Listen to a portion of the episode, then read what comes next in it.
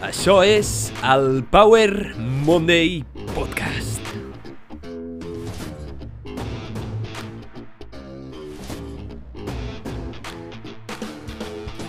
Benvinguts al Power Monday Podcast. Soc en Pau, el teu apassionat de salut, inspiració i ciència, i estic molt agraït de que estiguis escoltant aquest episodi. Farà uns mesos vaig viure una de les experiències que més m'ha impactat en la meva vida. Van ser 20 dies a Senegal, a un petit poble conegut com Abene. Vaig anar a Abene a fer un voluntariat sanitari i un turisme d'intercanvi cultural. Però el que no esperava, per res, és que durant aquesta curta estada tingués una de les experiències més emocionals, emocionants, intenses, filosòfiques, profundes, que m'han canviat en un període tan curt de temps.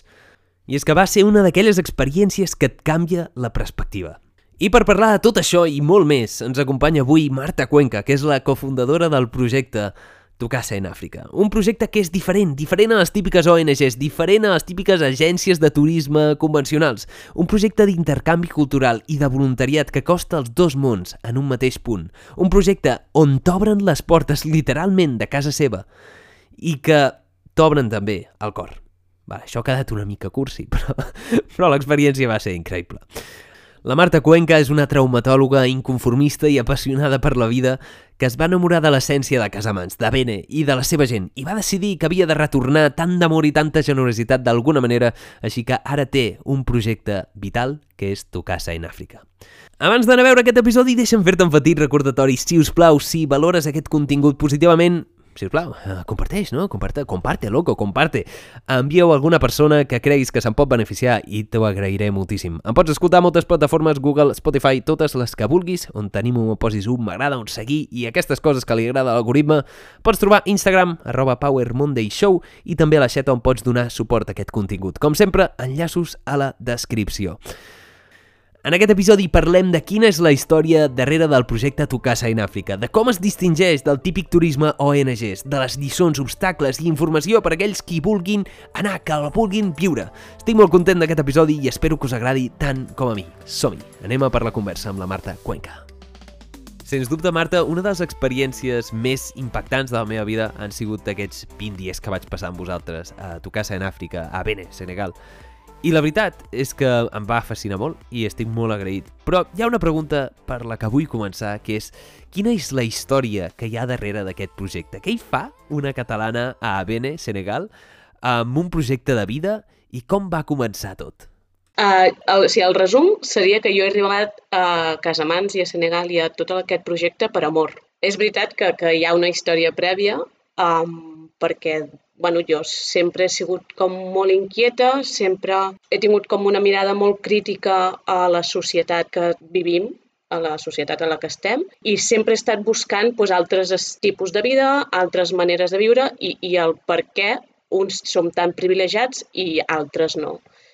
I bueno, jo eh, vaig estudiar Medicina, sóc traumatòloga i al llarg del temps cada cop te n'adones que tens molts privilegis per, pel fet doncs, ja d'estudiar el que vols, de treballar del que t'agrada i de poder viure on vivim. I sí que havia treballat amb, o havia fet algun projecte amb, amb ONGs, però mai m'acabaven de convèncer. I bueno, en una època de la vida en què jo doncs, ja tenia la meva feina i, i la meva, entre cometes, estabilitat, doncs vaig decidir viatjar a Senegal amb les amigues, doncs com qualsevol altre privilegiat d'aquí que té vacances. I allà va aparèixer l'AMS, que l'AMS és l'origen de Tocassa en Àfrica. Uh, ell tenia la casa, ja tenia la casa, ell és de Bene i va venir a Barcelona doncs, amb, amb 18 anys. I com que tenia la casa, estava a Facebook i una amiga va dir ai, doncs conec un noi que té una casa a Senegal i l'ofereix gratis a canvi de que estiguis per allà. Quedem amb ell i així ens explica què, bueno, no? què, què farem, o on anar i tal. I vam quedar amb ell. I així el vaig conèixer. No em va convèncer. No, va, no et va convèncer, perquè... primeres no...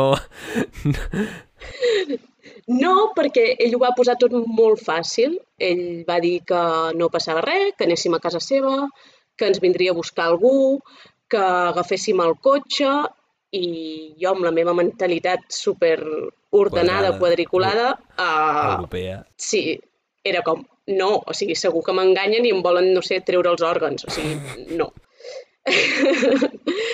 I res, um, és veritat que vam estar parlant sobre Senegal i allà es va quedar. Nosaltres vam fer el viatge, però vam fer viatge organitzat i no vam passar per Avene i no vam passar ah, o per sigui, casa. al final l'AMS no us va organitzar el viatge a vosaltres. Veu anar No, no, l'AMS no completament va- a una altra història. Vam, vam anar a un altre estil de viatge. bueno, en aquell estil de viatge una setmana va ser organitzada i l'altra sí que la vam, anar, vam fer per lliure, vam llogar un cotxe i vam anar fent. I em vaig adonar que sí que la vida podia ser diferent, Mhm. no? que, que sí que podies confiar més en la gent, que la gent pot ser diferent al tipus de persones tancades i milim, milimètriques que som aquí. I com que amb l'AM seguia parlant, perquè bueno, vam estar allò, lo típic per WhatsApp, eh, ja estic aquí i tal, pues, quan vaig tornar, és que no, o sigui, no, o sigui, jo suposo ja hi havia certa atracció i quan ja vaig tornar pues, ja vam començar a estar junts. I aquí és realment. quan va començar l'amor i més o menys ja et vas enganxant al projecte. Abans, abans de seguir amb la teva Exacte. història, hi ha una cosa que, que has dit que és com que hi ha una altra manera de viure en aquell, en aquell país o en altres indrets i a mi és el que m'ha sobtat més, uh, el que m'ha importat més d'allà a Senegal, que és com increïble que en el mateix món hi hagi mons completament diferents. I sé que sembla com molt maco dit, però realment és així, és així, i és la sensació que vaig tenir va ser tal qual aquesta i l'impacte crec que és més dur al tornar que no passa a l'anar. Quan tornes te n'adones que dius, hòstia, quins dos mons tan no oposats però unes maneres diferents de veure el món. Llavors l'amor et va arrossegar a un projecte que al principi era com molt petit, ja ho tinc entès, i al final està esdevenint una cosa ja més seriosa. Què ens pots explicar del projecte, de les dificultats i els problemes i lliçons que t'ha ensenyat al llarg de, de tu casa en Àfrica aquests dos anys o tres anys que porteu amb això? Clar, jo quan vaig arribar allà era un projecte realment com de t'obro casa meva i tu no cal que paguis res, no t'organitzo res tampoc, i el canvi és aquest intercanvi cultural. Clar, aquí coixejava una cosa que és que, que l'AMS hi posava diners, i posava esforços, o sigui, ell treballava perquè llavors els turistes vinguessin a casa seva i no ho vaig veure gaire equilibrat, i llavors li vaig dir, bueno, doncs posem una mica d'ordre i ho gestionem una mica com un turisme solidari, que és el que tu vols fer. Dificultats, moltes. O sigui, jo crec que cada cosa que hem fet per anar millorant ha sigut una dificultat, però és veritat que també n'hem après i ara ja no és una dificultat, no? Doncs des de gestionar personal, eh, gestionar xarxes socials, o sigui, fer el disseny d'una pàgina web. Jo no sabia fer una pàgina web. Em vaig ficar a YouTube i vaig començar a mirar tutorials. Eh, tot, això, o sigui, tot el que hem anat fent hem partit de zero i hem anat aprenent. I, bueno, I ara la dificultat potser que més gran tenim és la gestió de personal allà. Uh -huh. És a dir, tenir una persona responsable a casa que pugui coordinar les coses tal com ho pensem nosaltres. I això és, sí, entenc que és molt difícil. Suposo que sempre que tens un projecte personal que algú faci el que tu vols, no? o el que uh -huh. tu penses, és, és molt difícil. I allà, tenint en compte que amb el que treballem, perquè és amb el que volem treballar, és amb gent jove eh, que pues, no tenen estudis o han estudiat poc i que és com que eh, encara no tenen una professió uh -huh. i nosaltres els hi volem donar una professió i que tinguin una sortida, doncs clar, l'esforç és doble. Però bueno, és divertit. La veritat és que és molt entretingut. M'imagino realment que ha d'haver sigut tot un repte. A més, si tenim en compte el fet de que els dos viviu aquí, que treballeu aquí, que teniu les vostres feines, la vostra vida, la vostra família, els fills i moltes altres coses que apareixen a la vida normal, a més de per portar un projecte que està completament a un altre país. Una de les coses que em fascina més del vostre projecte és la dinàmica que ha agafat, no? És que no és una ONG convencional i tampoc és una agència de viatges o de turisme normal. Simplement és com la iniciativa més pura de les ganes d'obrir-te la casa a, a la gent, obrir la casa als turistes i a més a més aquest fet de combinar el turisme cultural amb el voluntariat, amb ajudar una mica al poble i causar un impacte positiu d'alguna manera. Què ens pots explicar d'aquest fet i com us distingiu vosaltres una mica de les agències convencionals típiques? Bueno, eh, realment volíem trencar amb això, amb el, amb el viatge de turisme tradicional. Vull dir, jo he fet viatges de turisme tradicional i també he fet viatges per lliure i tinc molt clar, i l'AMS també té molt clar, què és el que no ens agrada. O sigui, el que no ens agrada és que et portin a un lloc però que no visquis l'essència, que no, no te n'adonis de realment eh, el ritme de la gent, no? Quan et porten de, de turisme, et porten amb un programa, al matí fas això, a la tarda fas allò, al matí fas allò, no sé què. I si hi ha imprevistos, el turista és com que fins i tot exigeix eh, que jo t'havia contractat tal. No, doncs a casa no és així. O sigui, a casa el turista s'adapta al ritme de la vida. I si la vida és que tu has quedat amb el de la furgoneta a les 9, però a les 9 no hi és, doncs ens esperarem tots, ens prendrem un segon cafè i tranquil·litat, perquè la vida és així. I si quan arriba la furgoneta, la furgoneta, el motor no acaba d'arrencar, doncs empantarem tots la furgoneta. I ja està, perquè a la vida a Senegal és així. I és una mica la idea de que no tot ha de ser amb els estàndards que tenim aquí a Europa, que poden estar bé a vegades, però altres vegades no cal. I, bueno, jo pensava així i l'AMS també pensa així i només falta que ens ajuntem dos perquè intentem doncs, cada cop que ve algú a casa a fer-li canviar aquesta mentalitat. També crec que el fet de que a casa hi treballi família, no? i al final hi treballen germans petits de l'AMS, els seus pares venen a saludar cada dos per tres, doncs fa, o és el que intentem, que tota persona que vingui a casa se senti com un mes de la família. La veritat és que, per ser honest, els 20 dies que vaig estar jo allà, eh, aquesta fricció que notes amb la mentalitat europea és molt heavy. O sigui, tu, eh, tu arribes allà i vas amb la teva mentalitat de he de veure eh, X parades turístiques, si no em moro, eh, demà ens hem de despertar a aquesta hora, si no eh, estic estressat. I la veritat és que els primers dies fins i tot es poden arribar a fer durs, però a l'hora de la veritat acabes entenent aquest concepte que explicaves tu de integrar-se realment amb la vida d'allà. I un cop t'integres, doncs, és quan pots absorbir i us prometo que viure allà durant 20 dies realment coneixes bastant la gent, perquè estàs tot el dia amb ells. Estàs amb ells, fas el que fan ells, et mous amb ells, i sí, tens pues, les teves maletes de turista i la teva mentalitat de turista, i òbviament eh, salta a la vista que ets turista, però també t'integres d'una manera que jo no havia arribat a experimentar en cap moment.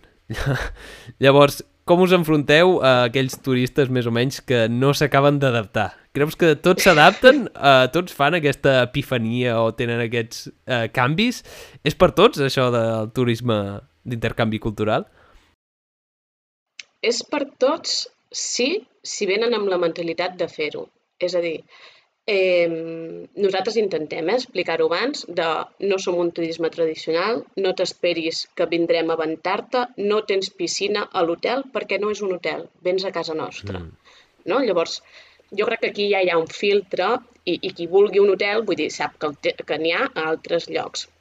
És veritat que també ens hem trobat turistes que et diuen sí, sí, sí, sí, sí, sí, i llavors arriben i et diuen, mm, pues, no, però el xulo és veure quan fan el canvi és una passada, yeah. perquè el primer dia estan com super exigents, uh, però com molt quadriculats, Super. no sé què, i nosaltres és com, deixa'ls, saps? Deixa'ls que se la fotin. I se la foten. Se la foten, s'emprenyen o ploren i després fan un canvi. I et comencen a donar les gràcies, i ostres, quin canvi, i és que jo necessitava això, i, i és, o sigui, probablement és la gent que més i més ho disfruta, mm -hmm. perquè hi ha gent que, que ja, no sé, bueno, ja té aquesta tendència i s'ho disfruten molt, però no noten tanta diferència. Però els que venen molt, molt quadriculats és molt divertit. I a part és guai perquè també és una mica el que busquem. O sigui, Clar. nosaltres el que busquem és que quan tu tornis a casa eh, tu canvis de mentalitat. Mm. I clar, aquests són els que més canvien.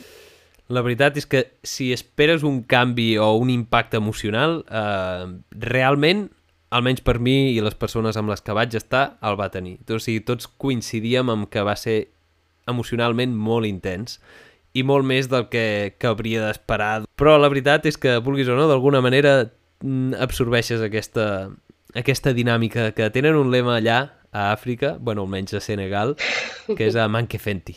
No passa nada. A Manque Fenti. No passa nada. Tot el dia no passa nada. I tu, no, jo vull solucionar els problemes d'aquí. No passa nada. No, jo em vull llevar d'hora i no passa nada. Llavors, mica en mica, sí que realment aquesta hòstia potser és necessari com arrencar una tirita de cop i després el canvi, no sé, eh, es nota. Um, a part d'això, a part de l'intercanvi cultural, a part de que és un xoc cultural brutal, teniu també la part de voluntariat, que aquest també és un altre xoc cultural bastant interessant.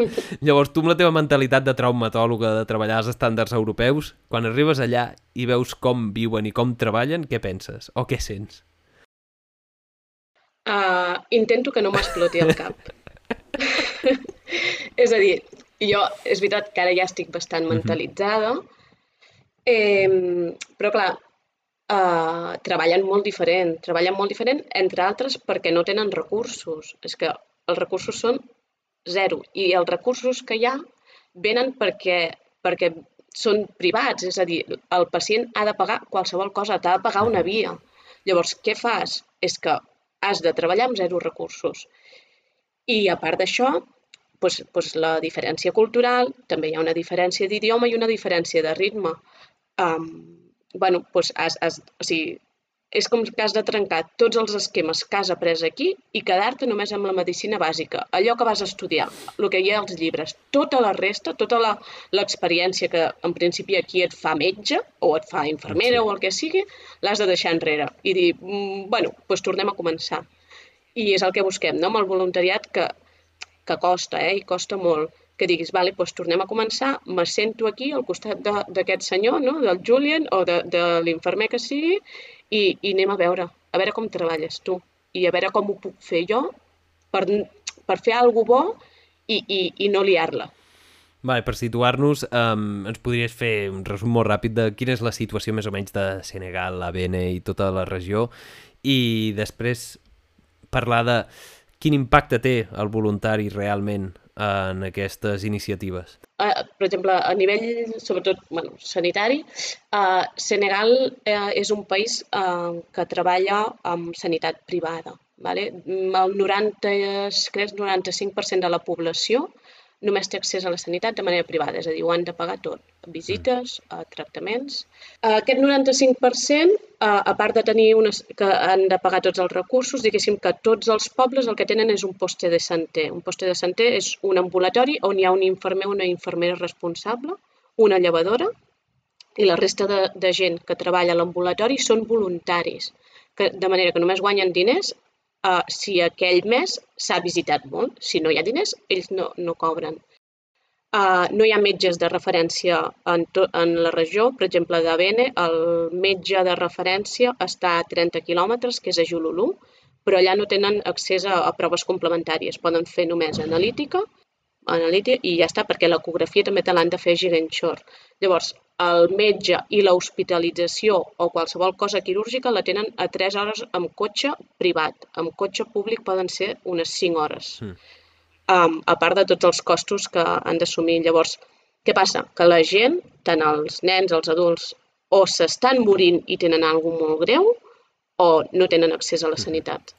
Llavors, el voluntari, aquella persona que diu va, dedicaré les meves vacances a ajudar a Senegal, a ajudar a Bene d'alguna manera quins problemes es troba i a què ha de fer front durant el seu voluntariat? bueno, sobretot el, el que et trobes és, o, i de fet és una mica cap on dirigim també el voluntariat, és a, a l'atenció primària bàsica. O sigui, una població rural eh, que habitualment no consulta a un centre mèdic i poden tenir de tot. Des de, per exemple, a, a l'època infantil són qualsevol tipus d'infecció respiratòria, infecció a les oïdes, uh, ferides a les cames, que poden ser infeccions cutànies, això és super, super habitual. Eh, amb la població adulta hi ha una gran part que és uh, dolor, dolor a múltiples parts, dolor articular, dolor lumbar, del que sigui. Per què? Perquè, bueno, per una banda, jo crec que també hi ha, hi ha, hi ha aquest efecte de, ostres, és que hi ha, hi ha sanitaris, saps? I és gratis. O sigui, bike, és que a mi ja em fa mal tot. El que passa que normalment no em queixo i no bike doncs perquè no tinc els recursos. Um, a part d'això, doncs, estem veient les patologies d'aquí, hipertensió, diabetis, um, també hi ha malalties de transmissió sexual, uh, infeccions vàries. Però és veritat que, que potser a vegades tenim la mentalitat de que oh, doncs ens trobarem les, les malalties tropicals i no sé què. No, o sigui, trobaràs molta patologia bàsica que et trobes a una zona ambulatòria d'aquí. L'únic que allà estan una mica més passats de voltes perquè no li han fet mm -hmm. la, el tractament inicial, Exacte. sinó que s'han esperat 3 anys. Ja.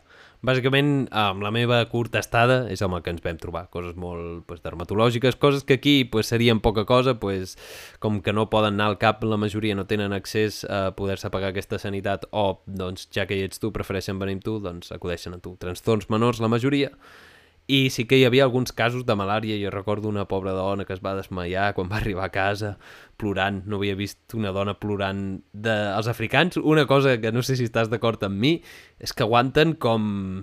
Uf, no sé tu com a traumatòloga si has sí. arribat a operar um... però com a estàtues. Jo, eh, mira, jo m'he trobat amb accident, o sigui, accidents que han passat allà al voltant i que et porten el tio dins d'un... O sigui, a mi m'han pujat a sobre d'un camió uh -huh. amb els dos accidentats a sobre el camió portant-nos a casa perquè els curi. O sigui, que era com, què hi faig aquí sobre el camió? Amb un tio amb la cama cap a... Bueno, uh, I jo els he, o sigui, els he suturat, és veritat que amb anestèsia, però amb fractures, històries, i no han dit ni, ni mu. Sí, i els veus suant, eh? Els veus que suen, i... però és que no diuen res, aguanten moltíssim. Però els nens igual. I aquí trobes al contrari. Uh, un nen que comença a xisclar, a plorar perquè li vols mirar la temperatura amb un termòmetre. En canvi, allà sí. jo recordo un nen que tenia úlceres per tota la pell, que li desinfectàvem amb ioda a raig i quiet, allà quiet estoicament. Realment em sembla que tenen una altra visió completament diferent a la nostra, a la dels sanitaris i del que significa la medicina quan, quan atens aquestes persones. Com dèiem, aquest projecte és diferent als projectes convencionals. Tu què creus que hauria d'esperar el voluntari que ve a fer un projecte amb vosaltres, que sacrifica, per així, les seves vacances? De què us diferencia d'una ONG d'aquestes clàssiques en la que simplement vas a treballar, a treballar, com a produir, i en realitat pagues 1.500 euros per estar-te a un país i anar a treballar? Com es diferencia el vostre projecte d'una ONG convencional i què hauria d'esperar el voluntari? O sigui, la, la nostra idea no és tant la visió de ONG occidental de... Um, i, no sé, perdó l'expressió, eh? però els blancs van ajudar a, a una altra població no, no, del tercer món, doncs en aquest cas africans, i com a blanc fins i tot aquesta part d'ajuda, no? de, ja la paraula és allò, o sigui, vinc jo a ajudar-te, no, potser no, és que potser yeah. tu vens a un viatge de voluntariat però t'estan ells ajudant a tu, yeah. saps? Perquè uh, tu com a voluntari, sobretot, és baixa expectatives. O sigui, no aniràs a salvar la vida de ningú. Potser sí, potser de casualitat apareix alguna cosa, tu ho saps fer i en aquella persona puntual la salves, entre cometes. Però no és la idea que has de venir com a voluntari. La idea és que tu vens a compartir i vens a compartir els teus coneixements amb la gent que està treballant allà, que també té coneixements. I si entre el, aquest espai de compartir coneixements arriba un pacient que tu li pots solucionar alguna cosa, benvingut. I si no, no passa res.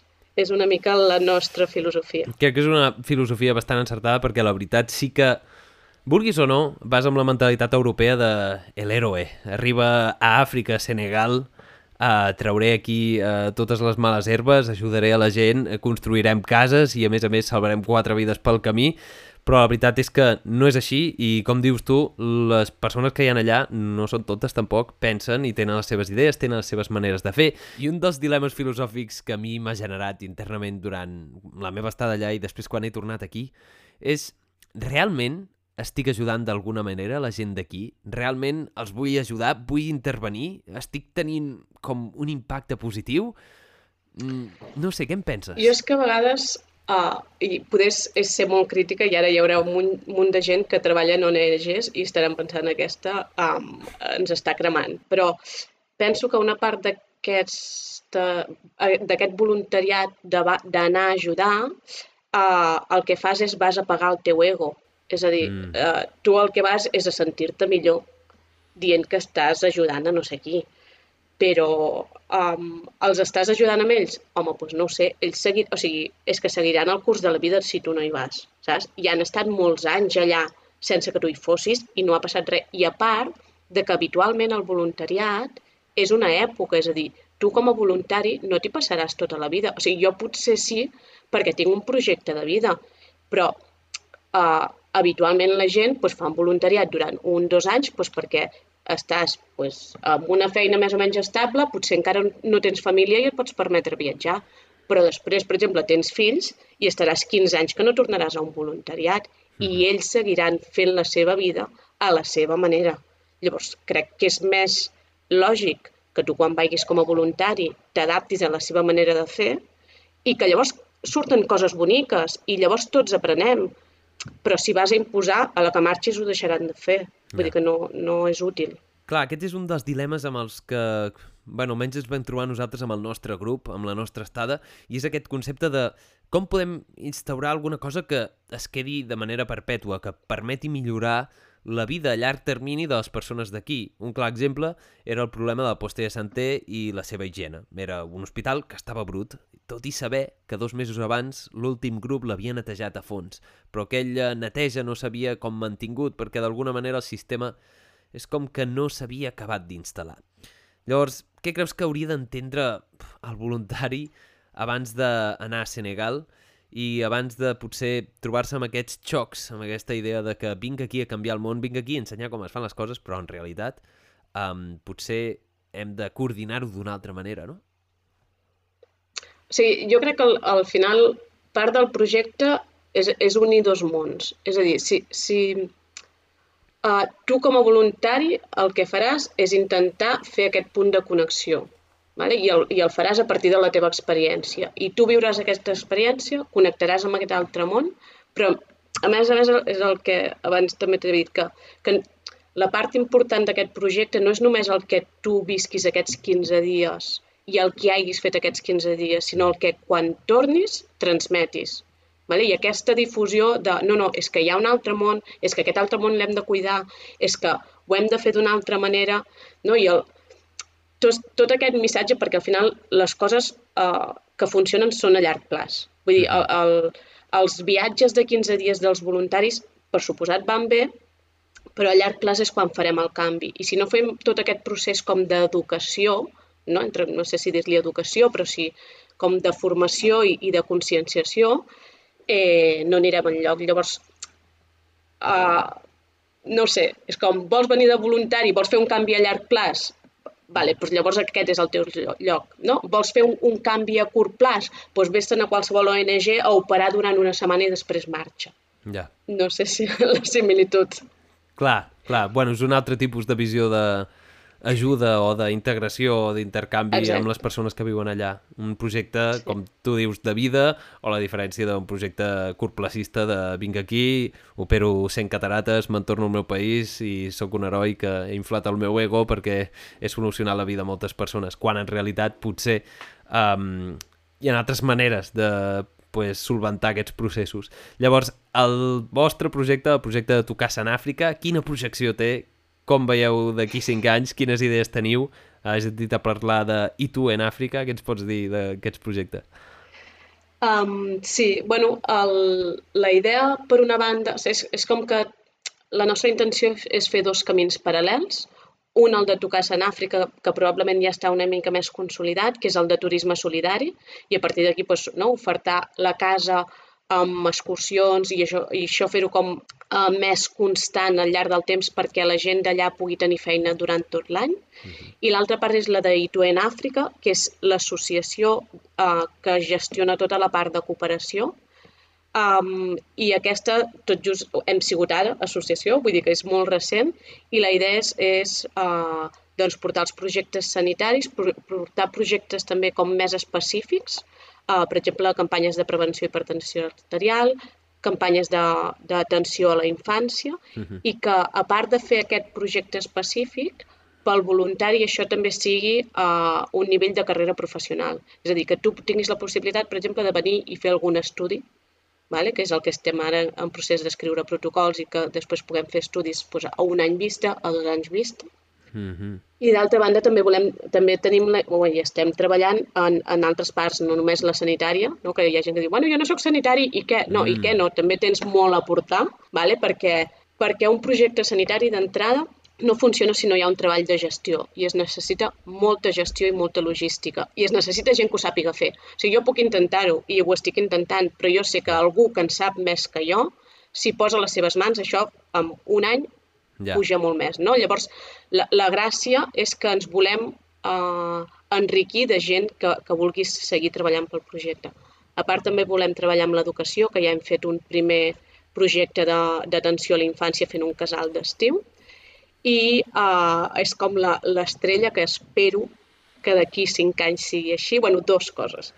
Una, és que van lligades. La, car és la carta als Reis. És la carta als Reis. Una és l'atenció a la dona. Uh -huh. uh, o sigui, jo penso que la dona allà té un paper super important i superclau. Són molt potents, les dones, molt. I, i a vegades com que només necessiten un espai. O sigui, necessiten un espai per elles uh, com transmetre què necessiten i, i, i fer-ho.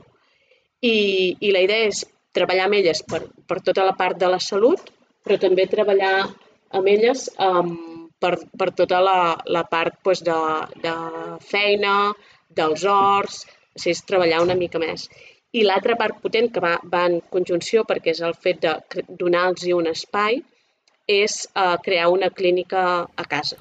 És més que una clínica, és crear com un, un petit centre, un consultori, uh -huh. on tota aquesta gent que ve a casa a visitar a visitar-se i els estem visitant doncs, pobres a la terrassa i sense intimitat, um, doncs ho faiguin en, un, en unes instal·lacions netes i amb intimitat. I això és el que estem ara promovent.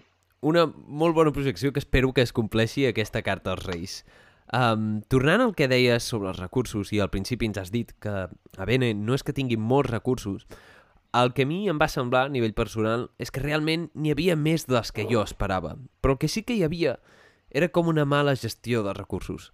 I també en el projecte passava el mateix, o sigui, a vegades en aquests països els hi cauen com diferents ajudes i simplement es fa com una mala gestió d'aquestes ajudes i no acaben d'arribar a la gent que més ho necessita. Un exemple, per exemple, és el fet que ens vam trobar nosaltres. És que molts voluntaris portaven molta, molta medicació i la veritat és que allà hi havia molts medicaments i a vegades molt específics, però clar, els portaven amb caixes, amb maletes i estaven com... no estaven organitzats. Llavors, al no tenir una estructura clara de on estan els medicaments era com si no els tinguessis. Et venia un pacient, et demanava un paracetamol i clar, busca-la en aquella sopa de medicaments, en aquell armari on hi havia pilots i pilots de medicaments. Llavors és com que clarament a vegades una bona gestió és més necessària que, que hi hagin més recursos, perquè si tens recursos però no els gestiones bé, és com si no els tinguessis.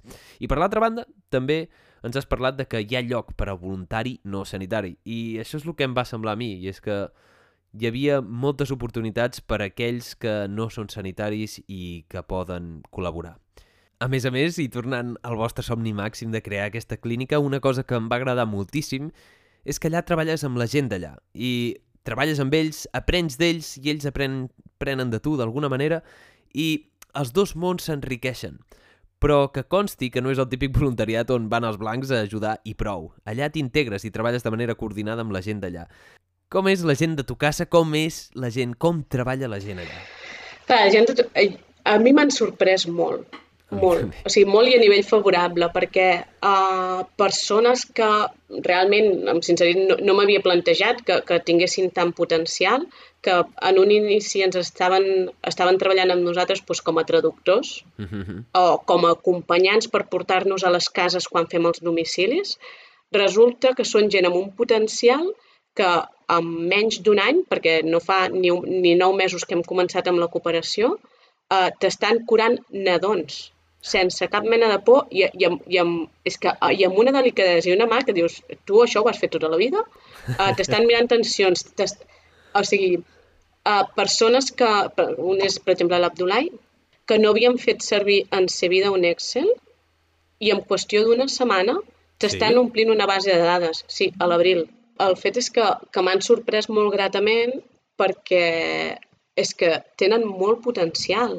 És que els hi dones res i, i, i creixen molt ràpidament. Llavors, és que jo, jo bueno, penso que, per exemple, la clínica, és que la clínica la portaran ells i és que la podran portar bé. I, de fet, ja, ja hem parlat amb gent i ja tenim gent que està interessada en venir a treballar a la clínica. Mm -hmm. Llavors, la gràcia serà, ells treballen durant tot l'any i quan nosaltres hi anem amb voluntaris, treballem amb ells. És com si féssim una rotació externa quan anem allà. Ells tindran uh, rotants i, i nosaltres també n'aprendrem i a més a més, doncs, com que el poble sabrà que hi ha més gent, doncs vindran més a visitar-se. Ja està. I aquest és el projecte. És un d'aquelles situacions que és com un win-win-win, que com Exacte. totes les parts, una part s'enriqueix culturalment, l'altra s'enriqueix per formació professional i a més a més pot tenir un impacte en la positiu en la població local sense haver un motiu capitalista darrere, perquè um, que quedi clar que um, aquest projecte no va darrere de uh, anem a augmentar el nostre capital i anem a crear a poder-nos comprar una casa a Las Vegas o jo que sé, a Tahití o on sigui. Um, tot el que jo he vist, almenys personalment, i el que puc dir jo, és que tot es reinverteix en la gent, en la casa, en la formació, en el material, i en intentar fer pues, que l'intercanvi cultural sigui el millor possible per als dos bàndols. Tot això sembla molt maco, molt utòpic i, òbviament, sempre hi ha, o sigui, en un sistema capitalista hi ha d'haver un finançament. D'on venen els diners i com us ho gestioneu? I hi ha algunes iniciatives que tingueu darrere per construir una clínica, perquè una clínica barata no, no sortirà, òbviament. Doncs mira, fins ara uh, ens hem gestionat amb, amb nosaltres mateixos, és a dir, tot el que es guanyava uh, del turisme de tocats en Àfrica, de fet, tot el que se segueix guanyant es reinverteix en, en fer uh, qualsevol cosa, des de comprar pues, uh, les furgonetes que es necessitin o així. I amb la clínica hem començat igual. Hem fet ara un viatge, ara al pont de desembre, uh mhm. -huh. dels diners que s'han guanyat, s'han quedat allà i hem començat a fer fonaments i totxos. És veritat que amb això no en, no en tenim prou perquè la clínica uh, es necessiten peles. Uh, llavors hem tingut una proposta d'una persona que és amiga des de fa molts anys i a més ha vingut de voluntària, que és el Manuel, que és editor, que té una editorial que es diu Extramuros i ell ens ha fet una donació de uh, 100 llibres, uh, 100 llibres de medicina, els quals diu que l'import el, el donarem íntegrament a finançar la clínica. Mhm. De manera que ara, uh, ara el, aquest Nadal um, crearem una campanya de, de venda de llibres a canvi de la donació eh, per finançar la clínica. Tenim l'objectiu de, de fer-ho en un mes, perquè si no a vegades la gent es cansa si ho fem a tope o no ho fem. I, i objectiu tope, que sabem que som molt, molt optimistes, però com que tenim 100 llibres, uh, són uh, 10.000 10 euros. Eh, no, és que, perdó, són 1.000 llibres. Vale. Són diferents, són diferents preus, són, hi ha llibres de, de 4 euros a 12 perquè la gent decideixi quina donació vol fer. Val, llavors es tracta d'un total de 1.000 llibres, eh? Exacte. És a dir, 1.000 referències que el preu íntegrament anarà, anirà per la financiació de la clínica, per la seva construcció. Així és. I, a més a més, ho fareu d'una manera una mica diferent. No serà sí. la típica uh, donació, sinó que intentareu ser com molt transparent, segons el que em va explicar Manuel. Sí, la idea serà... Uh, bueno, hem escrit el projecte mm. i que és el, el que com llançarem una mica a xarxes i, i a contactes i després tota la gent que, que compri el llibre i diguéssim que fa la, aquesta donació, uh, la tindrem a, com a contacte perquè farà, farà un seguiment de com va, va anant la clínica. I a mesura que anem fent els avenços l'hem dividit com en tres fases. Mm. Una és la dels fonaments i els totxos, que ja està feta, diguéssim, que és la part particular. Uh, la segona fase és la de doncs, aixequem parets i sostre. Llavors, és com que anirem informant de... Ja tenim les parets i els sostres, amb imatges, vídeos i tempos. No? Després, doncs, ara comencem a equipar la clínica. I la idea és que tothom sigui partícip de, de la formació i que estarà convidat a venir a veure la clínica a casa. Ah, aquesta no la sabia. Ah. Hauré de comprar molts llibres, llavors. El que sí que vam parlar, que jo vaig coincidir amb el Manuel i aquest projecte més o menys me'l va mencionar, és aquesta idea de fer-ho transparent, de fer, a part de que una donació acaba sent un llibre, que és un llibre que està bé, no és que sigui un llibre uh, que sigui una tonteria, són llibres de medicina antics, alguns molt interessants, amb il·lustracions bastant precioses, uh, i aquests diners aniran íntegrament a la clínica i a més a més doncs, veureu, o tots aquells que doneu o regaleu un llibre podreu veure el progrés que es fa, veure com la donació en si té un impacte real en transformar d'alguna manera uh, la realitat que existeix a Bene. Llavors, uh, felicitats pel projecte, és el primer cop que s'anuncia en públic, crec. Sí, sou els primers. de nou, felicitar-vos per aquest tipus d'iniciativa, aquest projecte. Crec que fan falta més projectes així, més transparents i que tinguin un impacte positiu real. I a part d'això, recordar que trobareu els enllaços a la descripció d'aquest episodi, tots els projectes i iniciatives, i tu en Àfrica, tu casa en Àfrica, i l'editorial del senyor Manuel Extramuros, que podeu donar suport. Compreu un llibre, que són llibres bonics, i a més a més contribuïu de manera real i podeu veure l'impacte que feu amb les vostres donacions. Per continuar, et vull fer una pregunta, i és que hem pintat molt bé això del voluntariat i de l'intercanvi cultural, però és per totes les etapes de la vida fer això? Creus que tothom es pot beneficiar d'alguna manera d'aquest tipus de viatge? Sí, perquè cada etapa de la vida jo crec que et pot implicar d'una manera diferent. Per exemple, hi ha, hi ha gent que ens diu bueno, és que vaig amb els meus fills, els teus fills són els que millor s'adaptaran i els que més bé sorpassaran. Els nanos adolescents necessiten aquesta hòstia. No sé si es pot dir hòstia en un podcast, però... Sí, es pot dir. Jo he dit, vale. he dit potser masses paraulotes en aquest podcast, I, que no em preocupi. I, i d'altra banda és el que diu, no? La gent, bueno, és que potser, potser soc massa gran. Massa gran per què? Per viure. O sigui, ja. no. Llavors, eh, nosaltres sempre diem qualsevol edat. O sigui, qualsevol. Han, els meus pares han vingut i, i vull dir, que qualsevol edat. Mm. Segona pregunta típica que es fa. Ja és segur Senegal? No vols dir que m'atracaran i em robaran? Eh, a veure, jo personalment puc dir que segur, però que em van parar una frontera i, I em van tillar, tillar de narcotraficant i vaig haver de subornar algú. Però què opines? És segur això de Bene? Uh, a Bene és segur i Senegal és segur. És veritat que sempre depèn on et fiquis i en quin moment. O sigui, Barcelona és segur, doncs depèn l'hora i el lloc on et posis, no? Pots anar sol pel carrer, sobretot a les noies, no? En plan, sí, pots mhm. passejar sola i no et passarà res. Ara, si te'n vas a un antro a les 3 de la nit i et poses amb persones que, que tot arreu n'hi ha, no? normalment doncs, alcohol, drogues i una mica més enllà, doncs, tens més possibilitats de tenir problemes. Però si et mous com una persona d'allà eh, mm, que està adaptada al món, doncs no, és un país segur. Sí, la veritat és que, a més, mm, si vas amb els locals d'allà, mm, no vaig percebre cap problema. Realment et porten... Et, et, si et deixes portar una mica, més o menys, si segueixes la corrent, vas, vas sobre segur.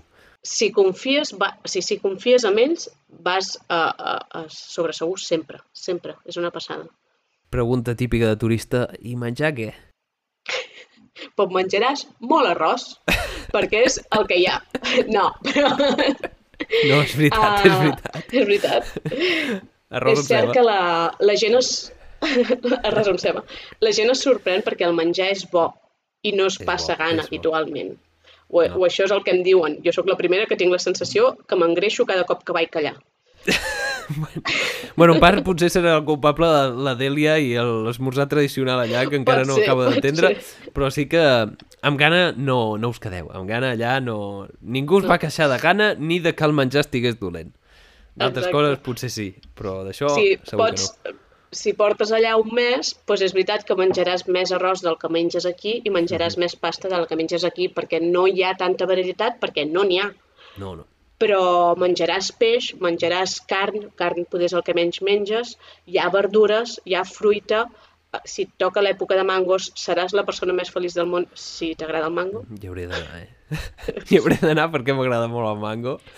I segons em va explicar l'AMS, et despertaves pel matí i agafes un mango de l'arbre que vulguis, perquè tots sí. els arbres d'allà, els autòctons, són mangos, i esmorzar mango. És que és així. És, és que... I a vegades la gent s'acaba el mango, i dius, home, que vull un altre mango. I s'aixeca algú, va a l'arbre amb un pal i t'agafa dos mangos i te'ls porta. I és com, sóc la persona més feliç del món.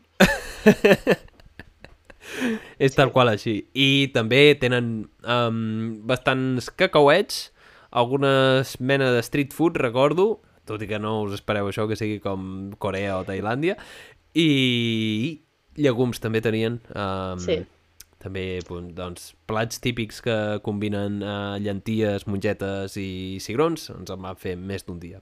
Gana no en passeu i en principi no vaig veure, no, no em va semblar veure una situació de desnutrició. Igual a altres països la situació és diferent i és més complexa, però almenys Senegal um, no. i aquella zona que és Avene, no? que és una part de Casamans, que és una part més o menys benestant dins de Senegal, mm, no hi ha situació de desnutrició mm, potser hi ha malnutrició, com existeix en Europa, i em va sorprendre que hi havia obesitat en algun cas i sobrepès. Això us hi podeu trobar, suposo, per als grans productes occidentals que han arribat, com la Delia, que és una Delia. Nutella, una Nutella a base de cacauet, que és, òbviament, addictiva, Sí. i que és el primer que trobes a faltar. Quan te'n vas, dius, hòstia, la Delia. No hi ha esmorzades molt amb bona. Delia. Sí, I hi ha més malnutrició que desnutrició. desnutrició. Mm, I ara una altra pregunta així de turista pesat. Uh, hace calor allà a Senegal? Uh, fa calor o, o què? I bien dormir? Hace calor. hace calor, pues sí, hace calor. Depèn l'època de, de l'any que hi vagis. És veritat que fa més fresqueta. Ara, novembre-desembre, uh, per exemple, ara al novembre, al matí i al vespre t'has de posar un jerseiet. I hi ha estones que el pantaló llarg uh, et, et va bé. Um, hi ha altres èpoques, uh, pues, com a l'abril, que fa calor, bastanta calor. Pues, tirants, pantalons curts i les hores de més sol te sentes allà a la maca sota el mango i esperar que passi el sol. No? la sí, sí, solució. completament. I bien dormir, pues... Uh, depèn com tinguis el dormir. Bueno, és un altre món, sens dubte, però es dorm sí. bé. Jo, al final, el primer... Això sí que la veritat, els primers dies vaig arribar i dic, fuà, aquest coixí és dur com una pedra, però, però, però al cap de dos dies ja és com que t'adaptes, t'adaptes sense voler-ho. Ja no, al, prin, al principi, si vens molt amb el xip aquest, sí que vas notant coses que em molesten, però després ja és com, ah, estic aquí. Ja m'he acostumat, ja es converteix en el new normal, en la nova realitat i t'adaptes molt més ràpid del que pensava que seria possible. I no sé si se t'ocorreix alguna de les típiques preguntes que et faci el turista pesat. Quines, va- quines vacunes m'he de posar? pues, depèn d'on vagis, et diran una cosa i depèn d'on vagis una altra. Exacte. Uh, fe- febre groga en principi, profilaxis de malària. Sí, hepatitis A i B, que això en principi més o menys ja estem tots vacunats, i febre tifoidea, així a grosso modo. Depèn on vagis també et fotran la meningitis C. Uh -huh. A mi me la van fer. Sí, a mi també va dir, ah, posa, posa, posa, així ja la posa. tenim. No us preocupeu, les són vacunes molt segures i molt eficaces i us poden treure d'un mal tràngol perquè la veritat, agafar alguna malaltia allà, mm, si aquí ja és passat, posar-te malalt i estar malament, doncs estalviar-t'ho és una bona idea. Al final eh, són molt segures i jo crec que el, el benefici supera el risc en es creix. Així que vacuneu-vos i aneu preparats. I hi ha una altra cosa, que és no anar descalç pel món, que és que a mi em va passar que si vas descalç, allà hi ha uns paràsits que et poden pujar per la planta del peu, eh, se poden ficar a dins, són un anquilostoma, i poden anar donant voltes per la teva planta del peu, eh, un cuc dins teu, allà anar donant voltes. Bueno, Eh, Has guanyat ja la... Has guanyat la batalla o no? Sí, Vale. sí, al final uh, simplement una dosis de vermectina el va matar. Vull dir, al final és un paràsit molt inofensiu que no fa res, no té la capacitat de migrar a torrent sanguini i anar a cap part del cervell, es queda atrapada, castigada per l'eternitat a donar voltes a la teva planta del peu o per la pell on entri fins que acaba morint. Però sí que pica, és una mica molest i, bueno, et fa sentir una mica incòmode. Perfecte. Així que, així que el meu consell és que no aneu descalços per haver Senegal Casamans, que prengueu precaucions i que escolteu els metges de medicina internacional, si us plau. I dit això, explicada aquesta anècdota tan maca de les larves que vaig agafar a Senegal, anem acabant l'episodi i sempre m'agrada acabar, Marta, l'episodi amb dues preguntes. La primera de totes és, quina és la teva descripció d'èxit? Què és per tu l'èxit? Um, podria dir que és actuar durant el, o sigui, durant el meu dia a dia d'acord amb els meus ideals i les meves creences. Allò que te'n vas a dormir i digues, vale, ho he fet el millor que podia fer. Una molt bona descripció d'èxit. Aquesta sensació d'anar a dormir i que has viscut d'acord amb els teus principis, aquesta sensació... Buah. Llavors, la segona pregunta, i és una que m'agrada molt, però que a vegades sona una mica tètrica. Aquesta pregunta és la de les tres veritats. És un futur hipotètic, no té per què passar a la vida real, però és un futur hipotètic. Imagina't un món en el que després d'haver fet tot el que volies en la vida, haver aconseguit eh, construir la clínica i impactar de manera positiva la població de Bena i Senegal, um, lamentablement mors i tot mor amb tu. D'alguna manera tot desapareix. Però et dona l'oportunitat, digue-li Déu, el destí o qui sigui que vulguis o qui creguis, de deixar tres missatges a la humanitat. tres veritats essencials que has après en la teva vida um, que les portes dins del teu cor, per dir-ho així. Quines són les tres lliçons que podries transmetre o els tres missatges si et donessin aquesta oportunitat? Eh, ja, bueno, la primera jo crec que ja l'he dit, que és obre la teva ment, o sigui, no et quedis amb el que veus i amb el que et diuen, sinó que sigues crític i estigues obert a, a totes les maneres de fer o per viure possibles. Mm -hmm. La segona és fes el que et faci feliç. O sigui, fes el, o sigui, treballa per la teva felicitat perquè ningú més ho farà. I probablement la tercera és uh, viu amb passió. O sigui, al final l'amor és l'arma més poderosa i s'ha de viure amb amor. Mm. Molt bones tres veritats. Gràcies per compartir-les amb nosaltres i, si em permets el luxe, n'afegiré una altra. Espero no passar-me. Vinga. Amant que fenti. Amant que fenti. No passa res, amant que fenti, que la vida igual no ens l'hem de prendre tan seriosament. Si aneu allà, definitivament, sí. aquest principi el sentireu. Marta, moltíssimes gràcies per haver-nos acompanyat en aquest episodi del Pau Podcast. Moltes gràcies, Pau.